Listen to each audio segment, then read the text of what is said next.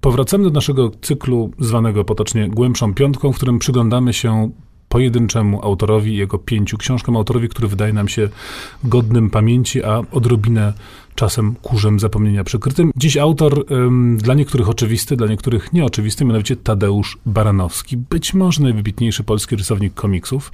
E, wciąż jakoś aktywny, ale chyba czytany głównie przez nasze pokolenie, mam wrażenie. Tak, to znaczy w naszym pokoleniu są postacią ponad wszelką wątpliwość kultową e, i powiedziałeś, że rysownik, bardzo słusznie, natomiast e, Baranowski też swoje komiksy pisał mm, i to jest chyba kluczowe, bo właśnie w naszym pokoleniu e, mam wrażenie, że Baranowski się pojawia co chwilę w rozmowach, no całą masę fraz, których on ukuł, e, ależ wodzu co wódz, to ja przepraszam, ty dopiero w, co wspominałeś o przesadzaniu e, drzew przez Lubię przesadzać, jestem ogrodnikiem. No właśnie. E, Więc rzeczywiście to wla, wlazło już do takiej naszej codzienności, natomiast są całe masy ludzkie, które z Baranowskim styczności nie miały i miejmy nadzieję, że dzisiejsza piątka to zmieni. Podkreślmy tylko to, że e, piątka ta nie wynika z sentymentu, to nie ma być jakieś takie wspominanie, och, jak to było słodko, kiedy byliśmy dziećmi, czytaliśmy Baranowskiego. Jest to rzeczywiście wyraz uznania dla Baranowskiego jako twórcy, e, rzeczywiście scenarzysty i rysownika absolutnie genialnego i myślę, e, jeśli mamy światowego poziomu komiksy, które cały świat powinien poznać, to Baranowski na pewno będzie startował z pierwszego miejsca. Zacznijmy od tego, co było takim prawdziwym początkiem, czyli jego pierwszego książkowego albumu. Wcześniej oczywiście publikował e, pracę w prasie, na przykład w Relaksie, piśmie komiksowym z lat 70., ale pierwszym takim pełnym tomem jest tom Na co dybie wielorybie czubek nosa Eskimosa. Tytuł mówiący wiele i składający się ten tom był z dwóch em, części. Po pierwsze w pustyni w paszczy, gdzie poznawaliśmy kudłaczkę i bąbelkę i ich eskapadę po, mm, w poszukiwaniu zwierząt i te wywiady ze zwierzętami tam przeprowadzają. Po drugie był to Co w kaloryferze piszczy, czyli historia Orientmana prześladowanego przez pewnego Eskimosa i jego kaloryfer. No i tu poznajemy e, Baranowskiego w całej jego rozciągłości i kolorystyczności. Każda strona jest jak gdyby osobną e, całostką i każda strona wygląda trochę inaczej. Baranowski był i robił od samego początku wrażenie tym swoim nie tylko e, szaleńczą kolorystyką, ale tym, że kadry traktował dość swobodnie i zrobił, robił z nimi absolutnie wszystko, rezygnując z nich, posyłając bobelka i kudłaczkę z jednego do drugiego, chodzili oni czasami nie w tym kierunku, co należało i tak dalej. Więc samo czytanie Baranowskiego jest, wymaga jakiegoś zaangażowania intelektualnego, konsumowa, konsumowanie tych jego mm, cudownych ilustracji również, no i do tego dochodzi jeszcze tekst. Dobrym przykładem y, tego, jak Baranowski komponował swoje historie, y, jest na przykład zakończenie. y, Zakończenie mm, w pustyni w paszczy, gdzie sama historia, sam wątek jest zupełnie absurdalny, bo z jajka wychodzi wieloryb, a na koniec mamy informację od autora w dymku na dole, w kratce na dole podaną. Jednocześnie przypominamy nazwę łacińską bawoła domowego Bubalis bubalus. Kolejnym komiksem, w którym e, styl e, charakterystyczny Baranowskiego z całą jego purną sensownością i surrealistyczną wręcz wyobraźnią mm, rozwinął się dalej w albumie Skąd się bierze woda sodowa, a my przeskakujemy od razu do albumu trzeciego pod tytułem Antresolka, profesorka Nerwosolka, gdzie poznajemy e, szalonego naukowca i równie szaloną, choć momentami bardzo stateczną jego asystentkę. entomologię motylkowską. I tu rzeczywiście pojawia się bohater chyba najbardziej eksploatowany przez Baranowskiego, czyli właśnie profesorek Nerwosolek, taki właśnie stereotypowy wydawałby się e, szalony naukowiec, który przygód przeżywa mnóstwo różnego rodzaju. Pojawia się również czarnoksiężnik Hokus Pokus, również bardzo ważna postać. Na początku zły charakter, a potem e, charakter e, jak najbardziej pozytywny.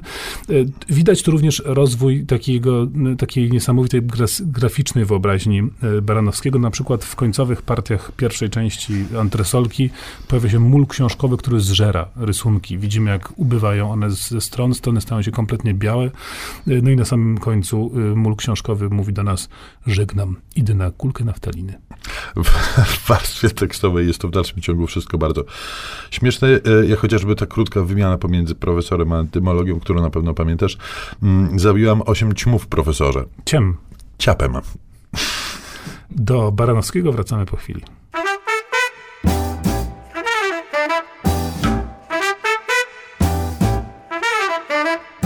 Piątka z literatury. Polecają Szymon Gloszka i Tomasz Pindel z Instytutu Książki.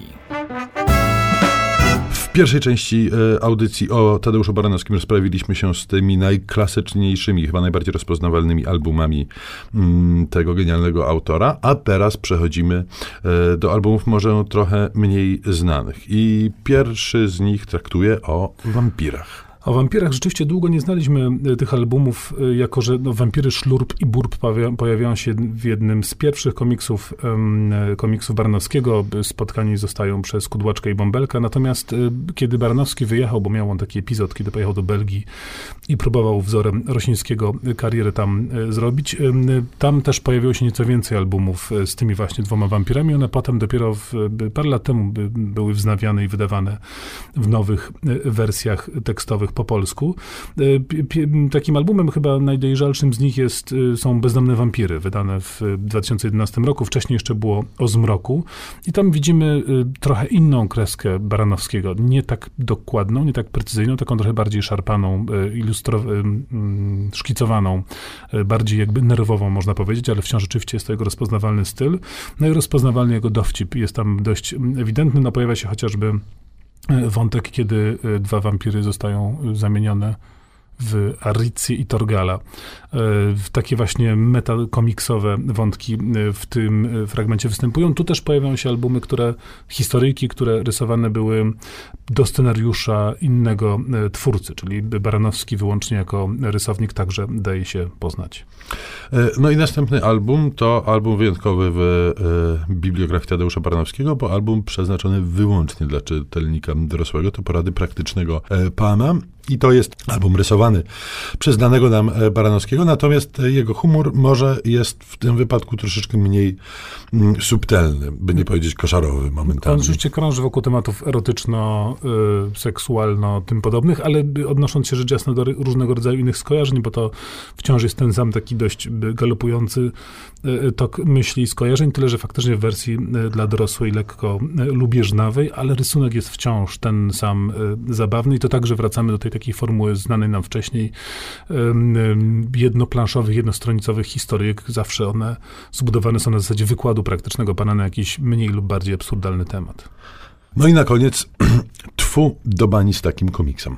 I to jest przykład um, późnego okresu twórczości, um, twórczości Baranowskiego, kiedy on um, wydał kilka właściwie albumów o bardzo ograniczonym nakładzie, które były sprzedawane wyłącznie na zasadzie e, wcześniejszej subskrypcji e, i każdy egzemplarz był numerowany i właśnie twój do bani z takim komiksem to chyba miało nakład 500 egzemplarzy, jeśli dobrze pamiętam, co wydaje się być interesujące, bo jest interesujące oczywiście, bo tam jest masę materiałów dodatkowego, zdjęcia autora, jakieś szkice, plansze różnego rodzaju, wcześniej nieznane czy drukowane w sposób ulotny, ale pokazuje rzecz jakoś tam w sumie smutną, że autor, który powinien mieć nakłady wielotysięczne, zszedł niemalże do podziemia, czyli rzeczywiście był, stał się takim twórcą trochę dla, dla koneserów. To są komiksy, które mogły być czytane przez komiksowo-czytelnicze tłumy, a tymczasem stały się gratką dla, dla grupy wybrańców. No i my nie łudzimy się, że dzisiejsza audycja to zmieni, ale może udało nam się przekonać kilku z Państwa, którzy Baranowskiego w rękach dotychczas nie mieli, po to, żeby jak, na, żeby jak najszybciej skoczyć do najbliższej księgarenki, tudzież biblioteki i po te klasyczne i naprawdę cudowne albumy sięgnąć. Bo w końcu nie chodzi o to, czy słoń może zasłonić fortepian, tylko czy może się też zafortepianić.